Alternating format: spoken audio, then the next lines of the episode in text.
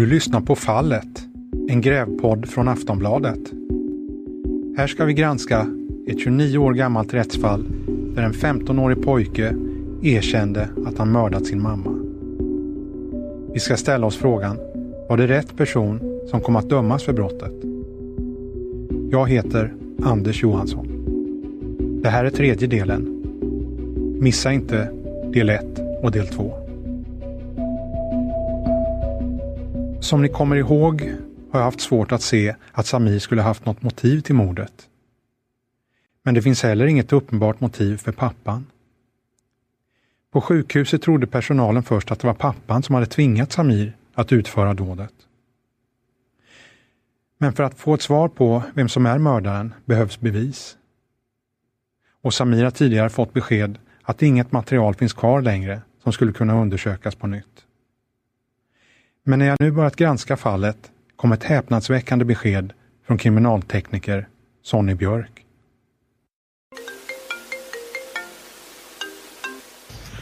Ja men hej Sonny, jag skulle precis ringa dig.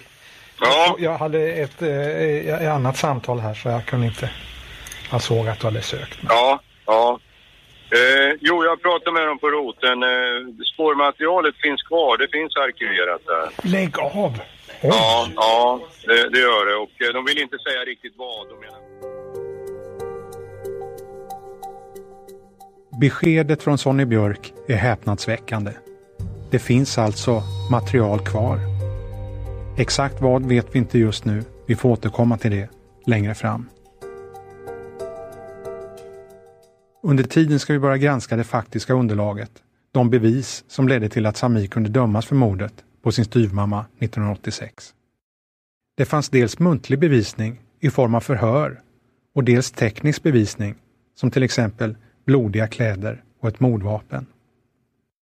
När det gällde förhören var Samirs erkännande det tyngsta, sett tillsammans med vittnesmålen från Samirs pappa och lillebror. Enligt domen hade mordet skett efter att de båda lämnat hemmet på morgonen. De har alltså alibi. När Samir ringde larmsamtalet hade pappa och lillebror varit i sina respektive skolor i åtminstone en timme. När de sen förhördes lämnade de identiska berättelser. Att allt varit som vanligt den här morgonen. Och att det hemska alltså måste ha hänt när Samir varit ensam hemma med styvmamman. Det Samir sagt i sitt erkännande bekräftades alltså i utredningen. Pappan sa dessutom att hans nya hustru, styvmamman och Samir varit som ärkefiender från första början. Först och främst kan jag konstatera att 15-årige Samir uppfyllde grundförutsättningarna för att kunna bli lagförd på snabbast möjliga sätt. Han kunde knappt ha varit en mer idealisk gärningsman sett från utredarnas synpunkt. Han ringde och anmälde sig själv, stannade kvar på brottsplatsen, lämnade kvar mordvapnet, öppnade dörren för polisen och lät sig gripas frivilligt och fullständigt odramatiskt. Eftersom han var helt ensam i lägenheten, som nu också blivit brottsplats, uppstod inga misstankar om att det kunde vara någon annan som utfört mordet. När han gripits blev han informerad om att han hade rätt till advokat. Samir krånglade inte heller här, utan sa att han godkände den som tingsrätten utsåg. Han gick sedan med på att första förhöret kunde hållas direkt, utan någon advokat. Två förhörsvittnen kallades in istället, en socialsekreterare och en kommissarie. Förhöret var över på 15 minuter. Förhör nummer två, dagen därpå, hölls också utan advokat. Det var över på 57 minuter. I tid befinner vi oss alltså vid den 21 maj 1986 och svensk press bekymrar sig inte alls om fallet. Sverige hade fullt upp med ett långt mer uppmärksammat mordärende.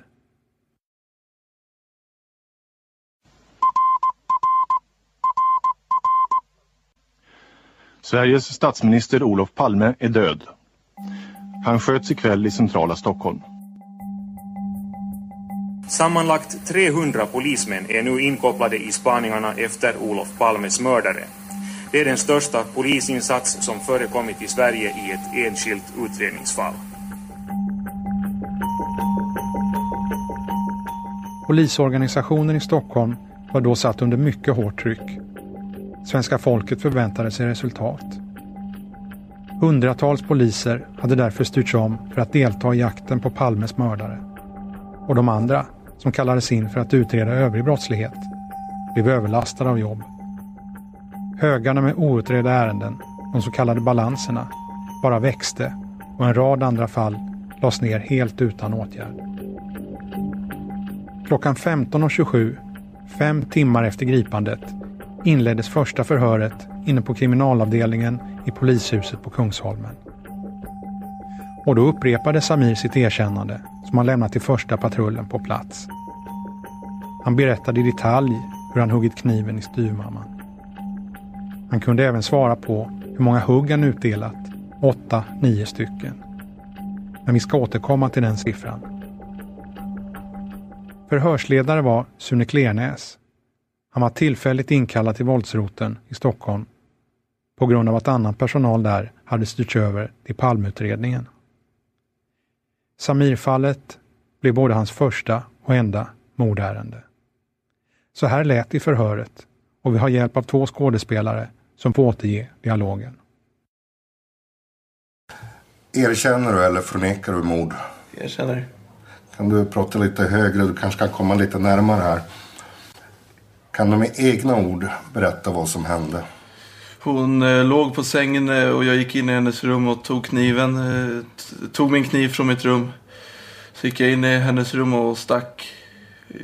Jag var i mitt rum och tog min kniv som jag hade i ett skåp och jag gick in i hennes rum och dödade henne. När hände det här? I morse. Var det ett plötsligt infall som gjorde att... du- Nej, jag skulle egentligen gjort det tidigare. Har det varit kontroverser mellan er tidigare? Jag förstår inte. Alltså har ni varit osams tidigare? Osams. Varje dag är vi osams fast, fast jag inte gör någonting. Hon skriker hon, utan att jag gör någonting. Jag, jag kan inte gå någonstans. Det är, det är hela tiden. Det är, det är bara mig hon gör sådär mot.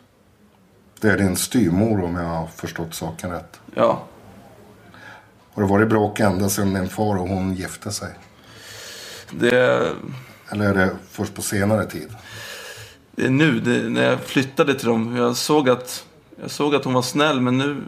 Jag vet inte hur hon är. Jag, det är bara mig hon gör.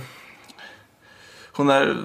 Ifall jag inte gör någonting. Hon, hon skriker på mig. Jag vet inte. Hon, hon bara går på mig. När beslöt du dig för det här? Förr eller senare skulle jag ha gjort det. Under gårdagen, hade du någon fundering om att då... Ja, Alltså hur tänkte du då? när min pappa går till skolan sen eh, skulle döda henne. Din far gick alltså till skolan i morse. Ja.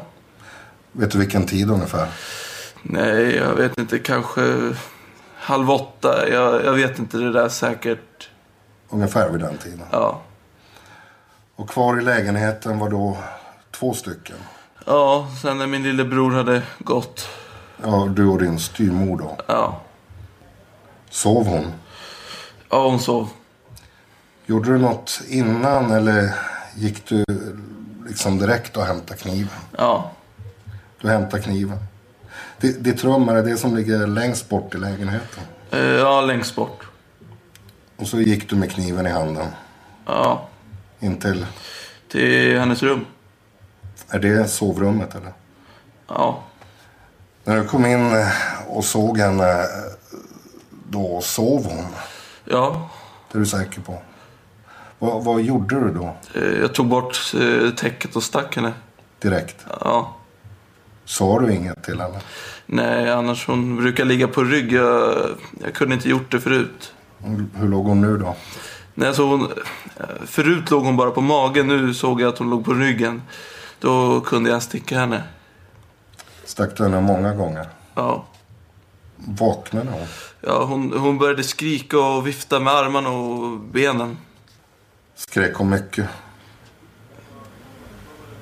Vad skrek hon? Hon skrek på hjälp hela tiden. Sa du någonting till henne? Nej, ingenting. Du bara högg? Ja. Har du någon uppfattning om hur många hugg det var? Jag bara högg. Åtta, nio, jag vet inte. Såg du var huggen tog? Det var runt här, runt här och sen, sen här. Alltså i bröstkorgen på framsidan? Ja. Förhöret med Samir, som vi hörde skådespelare återge, kunde säkert ha förberetts med bättre frågor. Det fortsatte en liten stund till. Men polisen kunde ändå pricka av viktiga beståndsdelar ur polisiär synvinkel. Samir hade kunnat ange hur många gånger han högg, det antal som stämde med vad tekniker och ambulans noterat. Samir hade också fått polisen att helt utesluta alternativa gärningsmän. Han sa att han väntat tills pappa och lillebror gått till skolan. Och när pappan och lillebror hördes bekräftade de alltså hans uppgifter. Att de gått till skolan som vanligt på morgonen och att det hemska därför måste ha hänt när Samir var ensam hemma. När polisen kontrollerade deras uppgifter visade det sig också stämma. När Samir ringde larmsamtalet hade de varit i sina respektive skolor i åtminstone en timme. Det fanns det vittnen på. Allt verkade solklart. Eller? Vi går tillbaka till vad ett av vittnena sa. Pappans ordinarie lärare. Hon heter Ingvor Feinsilber och arbetade då vid Västerorts vuxengymnasium vid Riksbyskolan i Bromma. Det hon berättade då fick kanske ingen att höja på ögonbrynen. Men nu, när vi vet att det finns en alternativ beskrivning av brottet och en alternativ gärningsman utpekad, finns det kanske anledning att tvivla. Allt verkar inte alls ha varit som vanligt den här morgonen. Just den här dagen skulle skolan på utflykt och Ingvar Feinsilber hade redan börjat informera de andra eleverna när pappan anlände. Och hon säger i sitt förhör. Han verkade lite orakad, vilket han inte brukade vara, samt lite jäktad. Ordinarie tid på morgonen är 08.30 och hon fick intrycket av att han kom då alldeles efter 8.30. I övrigt märkte hon inget onormalt. Slut. Pappan var alltså orakad, jäktad och lite försenad. Var det bara en slump att han just den här dagen, när hans hustru mördas med kniv i sitt hem, är orakad, jäktad och sen? Eller var han orakad, jäktad och sen för att han hade med mordet att göra? Vilken vikt ska vi lägga vid hennes vittnesmål? Alltså, håller pappans alibi? Jag noterar att förhöret med läraren hölls två veckor efter mordet. Kan hon verkligen komma ihåg en enskild elev så detaljerat när det gått 14 dagar? Eller är hennes minne påverkat av att hon kanske senare fick höra att det skett ett mord just den här dagen? Hur mycket skulle jag själv minnas av vad en arbetskamrat gjort en morgon för två veckor sedan? Jag ringer kriminalkommissarie Hans Strindlund, en garvad mordutredare som även arbetat i länskriminalens Cold Case-grupp och frågar hur han skulle bedöma lärarens vittnesmål. Jag skulle, jag skulle fästa stor vikt vid det. Eh, absolut. Och, och man, man, man, gör ju en tidsaxel eh, så att säga. Eh, och däremellan och helst vill man ju hitta ett så kallat klockrent alibi då för att kunna ta bort någon. Ja, just det. Eh, och då kan man ju fråga sig, har den här personen det? Eh, ja, han kommer ju bevisligen till skolan eh, och sen gör man ju då en någon, att han är lite, gör en, en lite avvikande mot normalt då. Sen är det ju så att det, ibland kan man ju till och med glömma raka sig så att det kan ju finnas naturliga orsaker också eller man, man har eh, katten sprang bort eller man eh, prata mobiltelefon eller på att säga. Det hade man kanske inte någon. Så att det kan ju finnas, man kan ju inte tolka det som alla som är orakade har, har, nå, har gjort något brott. Va? Det, det är inte det. Men, men, men den, den informationen eh, som du läste upp för mig, den skulle jag eh, utreda vidare i och försöka eh, fastställa hur, om det är bärighet eller inte på det. Pappans beteende kanske indikerar någonting då. men går att kontrollera idag, 30 år senare. Frågan om huruvida pappans alibi håller kvarstår. Kriminalkommissarie Hans Strindlund anser att hans beteende i alla fall är uppseendeväckande eftersom det är avvikande just den här dagen. Men det kan ju också finnas helt naturliga förklaringar. Mordet betraktades förmodligen som en familjetragedi. Polisens benämning på grova våldsbrott där både offer och gärningsman finns inom den egna familjen. Jag har forskat i tillgängliga mediearkiv och hittat en enda artikel om fallet. En liten notis i hörnet längst ner i Dagens Nyheter. Fallet avhandlades på sex meningar. Men så var det på den tiden. En familjetragedi var ingen nyhet. Det var ingenting som allmänheten kunde ha något intresse av. Den synen delades ofta av polisen och dåtidens redaktörer.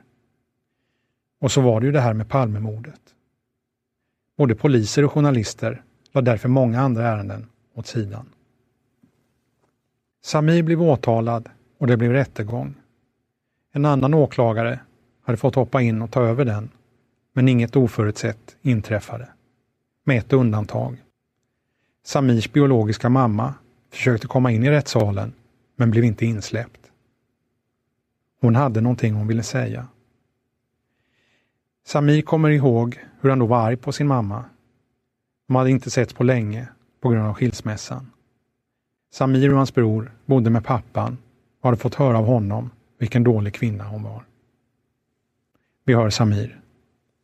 Om jag inte minns fel, alltså det jag kommer ihåg det är att hon fick komma in där så pratades vi. Just det. Och det var innan jag skulle gå in. in ja. Och sen på något sätt så hade mm, farsan då lyckats på något sätt att, att inte min mamma får komma in på rättegången. För, Nej, jag, tror, ja, för jag tror min mamma gjorde kaos där.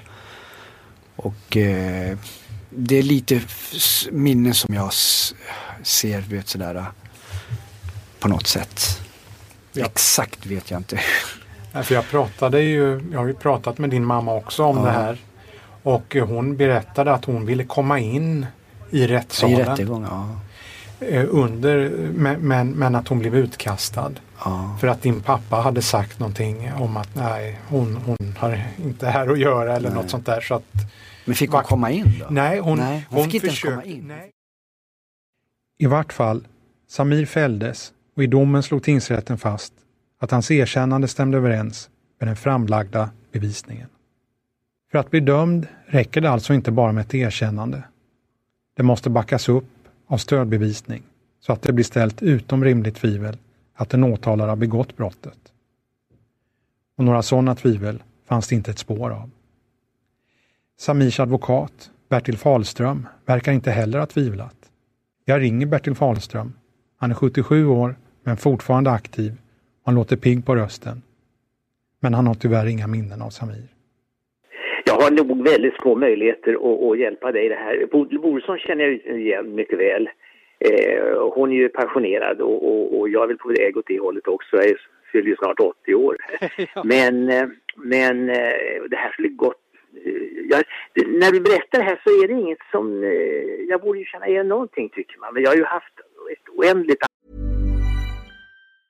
Getting engaged is a moment worth cherishing. A one of a kind ring that you design at Blue Nile can help your love sparkle. Just choose your diamond and setting. When you've found the one, you'll get it delivered right to your door. Finding the right engagement ring can be nerve wracking. At Blue Nile, you'll have the expert guidance needed and a diamond guarantee that ensures you're getting the highest quality at the best price. Cherish all of life's moments and save up to 30% at BlueNile.com. That's BlueNile.com. antal ärenden under årens lopp som du förstår. Och eftersom det här passerade då eh, ganska geschwint, det var erkänt och klart på sin tid så att säga. Och, så, så ja, ja, ja, det är möjligt att om jag får se domen och, och lite annat sånt där jag kan eh, erinra mig någonting. Men jag har inte några handlingar och sånt där kvar. Advokat Bertil Fahlström som vi hörde kan inte minnas fallet. Jag har respekt för det. Det har ju ändå snart gått 30 år. Jag vet själv att jag har tittat på gamla artiklar jag skrivit, som kanske bara är tio år. Och ändå minns jag ingenting av dem. Men vissa saker kan ändå komma tillbaka i minnet. Advokaten sa att jag kunde skicka handlingar till honom, så kanske någon minnesbild kunde komma fram. Jag har ordnat med det, så vi kanske återkommer till advokaten framöver. När jag nu börjar gå igenom alla fynd som är dokumenterade försöker jag se på dem utifrån två olika sätt. För som ni minns tog ju Samir tillbaka sitt erkännande drygt ett år efter domen och sa att det istället var hans pappa som var den verkliga gärningsmannen. Jag vill nu försöka se om bevisen talar för eller emot någon av de två versionerna. Alltså om Samir har begått mordet eller om det kan vara pappan. Vi börjar med Samirs erkännande. I förhören fick han ju frågan Har du någon uppfattning om hur mycket du högg? 8 till 9 hugg blev svaret. Just den siffran återkommer på flera ställen i utredningen. Dels i förhören med ambulanspersonalen. Ur förhöret som är skrivet i så kallad konceptform framgår. Ambulansmännen tittade på kroppen tillsammans med den andra polisen och kunde konstatera säkra dödstecken. Stelhet i käken, knävecken och fingrarna. Benen började kännas kalla och hon hade en ljusstel blick. De såg åtta till nio knivstick med varierande djup. Slut. Domstolen som dömde Samir ansåg alltså att hans erkännande stämde med verkliga fynd. Men när jag nu kontrollerar vad rättsläkaren Kari Ormstad verkligen hittade vid obduktionen så stämmer det inte. När styvmammans kropp var avtvättad och upplagd på obduktionsbordet inne på rättsläkarstationen i Solna gick Kari Ormstad metodiskt tillväga. Hon noterade skada för skada på huden, skrev ett nummer med tuschpenna invid var och en av dem. Istället för de åtta, nio sticksår som varit synliga för ambulans och tekniker fanns det plötsligt tredubbelt fler skador. Ett tiotal sårskador på bröstkorgens framsida, det stämmer. Och en del av dem hade gått igenom revben. Men dessutom fanns talrika sårskador på både armar och händer. En skada gick tvärs genom höger hands tumgrepp. Knivbladet hade alltså gått rakt igenom handen. Det fanns även en skada på vardera underbenet. På vänster ben var skadan ytlig. På högra beskrevs den som åtskilligt djupare. Det är tydligt att styrmamman försökt försvara sig med både armar och ben när hon blev attackerad i sängen. När rättsläkaren Kari Ormstad räknat ihop allting skriver hon i sitt utlåtande att skadorna uppkommit till följd av upprepade cirka 30 stick snitt med äggvast spetsigt föremål väl förenligt med den förevisade kniven. Det verkliga antalet hugg och stick var alltså i själva verket omkring 30. Jag undrar, hur kommer det sig att det skiljer så mycket? Och jag undrar också, i vilken utsträckning läste domstolen obduktionsprotokollet? Jag ringer Kari Ormstad, som idag är professor i rättsmedicin i Norge men liksom advokat Falström har hon inga minnen. Och även om hon hade det skulle hon inte kunna prata om ärendet med mig. Det du pratar om det har jag absolut inget minne av. Och jag är förhindrad att tala om det, vet du, både i allmänhet och i eh, synnerhet. Jag får inte kommentera någon sak jag har haft med att göra, oavsett hur gammal saken är. Det enda jag får, kom får kommunicera med om saker jag har haft som rättsläkare, det är uppdragsgivaren och inte någon annan. Så tur för mig kommer jag inte ihåg någonting. Men enligt pensionerade kriminalteknikern Sonny Björk, en av Sveriges främsta inom sitt område, är det inte ovanligt att domstolar fäster mera vikt vid förhör än vid teknisk bevisning. Han är ju bara dömd på utsagor här och det är ganska ja. typiskt för domstolarna idag att de de, de, är väldigt dåliga på den kriminaltekniska bevisningen och, och, i det här fallet så har ju inte åklagaren sett till så att den har blivit riktigt analyserad heller. Va? Kriminaltekniker Sonny Björk, som vi nyss hörde, ska hjälpa till att detaljgranska utredningen och vi kommer få höra mer av honom framöver. Men vi återgår till Samirs erkännande och kommer till frågan varför han uppgav antalet till just 8 till 9 hugg. Samir minns inte idag hur han kom fram till den siffran. Samtidigt har jag en annan fråga hängande i bakhuvudet. Om skadorna är väl förenliga med morakniven, hur väl förenliga är antalet hugg med gärningsmannen som dömdes, alltså Samir? Kriminalkommissarie Hans Strindlund, som är en erfaren mordutredare, har sin uppfattning klar. Han menar att själva sättet mordet utförts på, alltså med omkring 30 hugg, säger en del om gärningsmannen. Alltså när du säger så många knivhugg, då kan man ju, då kan man ju sätta en, en, en eh, rubrik på det och det är hat va. Eh, oerhört mycket hat va.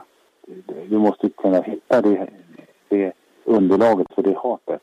Eh, det skulle jag söka efter om jag vore du. Finns det någonting som gör att han borde, att han skulle hata sin mor på det sättet? Och därmed har vi alltså ytterligare en fråga. Vem kan ha känt ett sådant hat? Går det att ta reda på det idag? Kan det finnas dokumenterat någonstans? En annan omständighet som vägde tungt när Samir dömdes var att han hade en skärskada i högra handen. Det var ett tekniskt bevis som talade emot honom. Moraknivar hade vid den här tiden ingen parerstång, alltså skydd vid skaftet, så att handen inte ska glida fram på bladet. Vid våldsbrott där sådana knivar används är det ganska typiskt att förövaren också skadar sig själv på just det sättet. Efter gripandet genomgick Samir en så kallad levande besiktning i kriminalavdelningens lokaler i polishuset på Kungsholmen. Han undersöktes alltså av en rättsläkare, Kari Ormstad, som även obducerade styvmamman senare. Vid sådana undersökningar söks särskilt efter skador som den misstänkte gärningsmannen kan ha ådragit sig. I bästa fall kan fynden antingen leda till att den misstänkte binds till brottet eller avförs som misstänkt. I det här fallet skrev rättsläkaren i sitt utlåtande att det rörde sig om citat, dels en ytlig skärskada på höger lillfinger samt tre ytliga, närmast parallella skärskador på lillfingersidan av höger handflata. Slutcitat. Hon skrev vidare i utlåtandet att skadorna härrör från tillsammans fyra ytliga snitt med vasst föremål, till exempel kniv.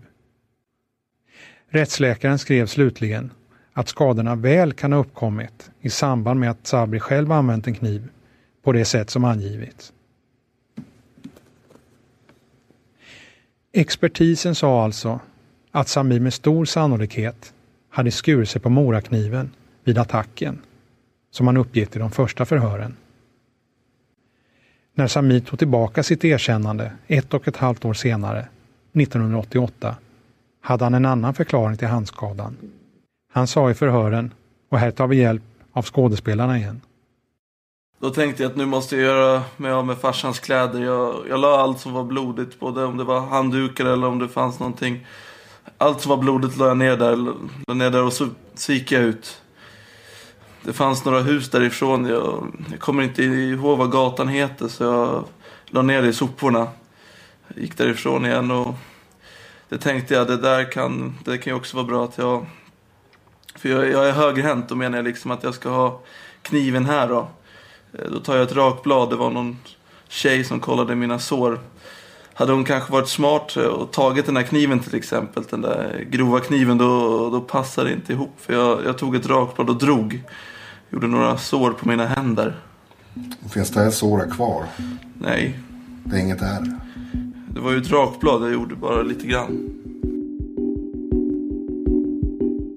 Samir som här gestaltades av skådespelare sa alltså att han skurit tunna sår i sin högerhand med ett rakblad.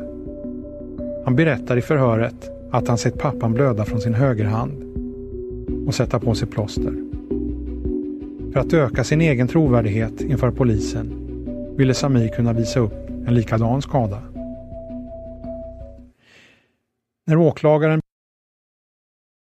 öppnade förundersökningen igen 1988 ville hon av naturliga skäl hans påstående om rakbladet kontrollerat.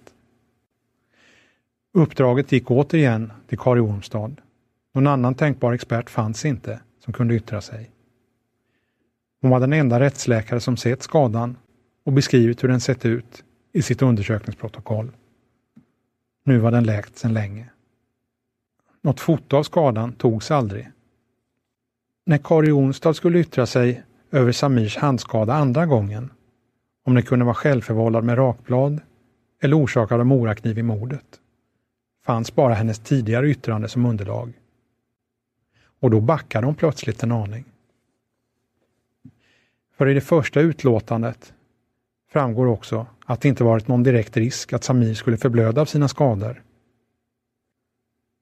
Såret på lillfingret var 4 mm på längden, 1 mm på bredden och en halv till en och en halv millimeter på djupet. Hur långa de tre övriga skadorna var framgår inte. Däremot beskrivs djupet, nämligen tre helt ytliga skarpkantade hudskador. En av dem var så ytlig att den inte ens börjat blöda. Rättsläkaren Kari Ormstad skrev i sitt nya yttrande att det inte med säkerhet kunde uteslutas att skärskadorna på Samirs högra handflata orsakats genom att han själv med avsikt rispat sig med spetsigt äggvast föremål, till exempel kniv. Men även om rättsläkaren backade höll hon kvar vid sitt första yttrande och skrev Den tidigare redovisade tolkningen, oavsiktlig skada på egen hand under användande av kniv mot annan person, förefaller mer sannolik. Kari Ormstad, som idag alltså är professor i rättsmedicin i Norge, minns som vi hört inte fallet. 30 år är lång tid och att minnet inte sträcker sig så långt tillbaka när det gäller detaljer är inte så mycket att säga om. Men det jag skulle vilja veta är hur hon kunde komma fram till slutsatsen att det förefaller mer sannolikt att han skadat sig på morakniven vid angrepp mot annan än att han rispat sig själv med ett rakblad. Expertisen utesluter i alla fall inte att Samir rispat sig själv med ett rakblad. Det kan vara så som han säger. Men det behöver inte vara det. När Samir tidigare undersökt möjligheterna att få sitt fall undersökt på nytt har han fått beskedet från en polis att inget material tyvärr finns sparat. När jag började granska det här fallet la jag därför det spåret åt sidan. Advokat Sargon De Basso hade heller inga förhoppningar att hitta något. Men Sonny Björk tyckte ändå att det borde kontrolleras och erbjöd sig att göra det. Han sa att det var en bra idé och att han gärna fick titta utan att egentligen hoppas att det skulle ge något. Men så kommer samtalet. Eh, jo, jag pratade med dem på roten. Eh, spårmaterialet finns kvar, det finns arkiverat där. Det, det gör det och eh, de vill inte säga riktigt vad. De menar på att, eh, och det tycker jag är lite blött av dem, men eh, det finns i alla fall där och eh, sen är det bara frågan om hur man ska bete sig för att få det analyserat då som är, som, som är eh, kvar där då va. Ja. Men det är ju mera hans försvarare som får ta ställning till det. Det är alltså kniv och lakan och kläder? Ja, jag antar att allting som eh, de, de menar på det, att de har, de har bara kollat att det, att det finns spårmaterial kvar. Exakt vad som finns där. De vill ju inte packa upp det i onödan, de gör ju inte det. Nej, Så det kan de inte svara. Men sannolikt är det ju det som, som finns förtecknat då va, i, i eh, spårförteckningen där som är kvar då. Va. Vad som finns kvar vet vi alltså inte. Inte än. Men på listan över det som togs i beslag finns bland annat lakan, kuddar, handdukar, kalsonger, tröja, morakniv och örontops med blod på. Beskedet är omtumlande. Jag ringer advokat Sargon Di Basso omedelbart. Han häpnar. Eh, jag fick alldeles nyss besked att eh, från eh, Sonny Björk att det finns tekniskt material sparat. Du ljuger. Nej, han sa det. det fin- och han sa också att de var lite hemlighetsfulla så att de vill inte säga vad det var. Men han säger att han förutsätter att det finns allting som fin- finns förtecknat, det vill säga Ja. Kniv, kniv och, och, och lakan och, och, ja, rubbet. Det är helt otroligt. Det är helt otroligt. Samir har tidigare berättat hur han sett sin pappa torka av sig blod med handdukar direkt efter mordet. Han minns att han fick frågor om uppstädningen efteråt, om det även fanns blodiga handdukar. Han ska också få nyheten att det trots allt finns material kvar. Jag tänker också för egen del. Om Samir inte har något att dölja, om han verkligen vill att det ska finnas material kvar, då bör han bli mycket glad över det här beskedet. Och så här sa Samir. Sitter du ner? Håll, har du något att hålla dig mot annars? Ja, jag sitter i bilen. Ja, vad bra. För vet du vad? Nej. Det finns tekniskt material sparat. Är det sant? Är det sant? Men då kanske den där eh, handduken som polisen frågade mig där. Kan du, kan du tro att, nu när du pratar om det här när jag, när jag gjorde skar på mig i handen. När jag fick idén, när jag såg min pappas hand. Att jag kanske har missat, för det var så polisen frågade. De frågade ju, kan det vara så om att din pappa har, eh, har torkat av sig sitt blod på någon handduk och du har missat eh, det här bevismaterialet? Jag bara, det är mycket möjligt. Då förstod ju jag att de har hittat någonting men inte gjort någonting åt saken. Då har vi alltså ett inofficiellt besked om att det finns material kvar. Sen sist har jag begärt ut en lista på exakt vad som finns sparat. Men Polismyndigheten har ännu inte blivit klar med sin sekretessprövning. Därför får vi vänta ytterligare ett tag på ett klargörande. Sen är frågan vad som blir nästa steg. Vad behövs för att materialet ska skickas för analys? Måste en åklagare först besluta att öppna ärendet på nytt? Eller kan polisen själv göra det? Medan vi väntar på de svaren ska jag titta närmare på Samir, hur han var som ung. Varför ansågs han vara sinnessjuk? Hur kriminell var han? Var han aggressiv? Han ska också följa kriminalkommissarie Hans Strindlunds råd. Söka efter hatet. I nästa vecka av Fallet.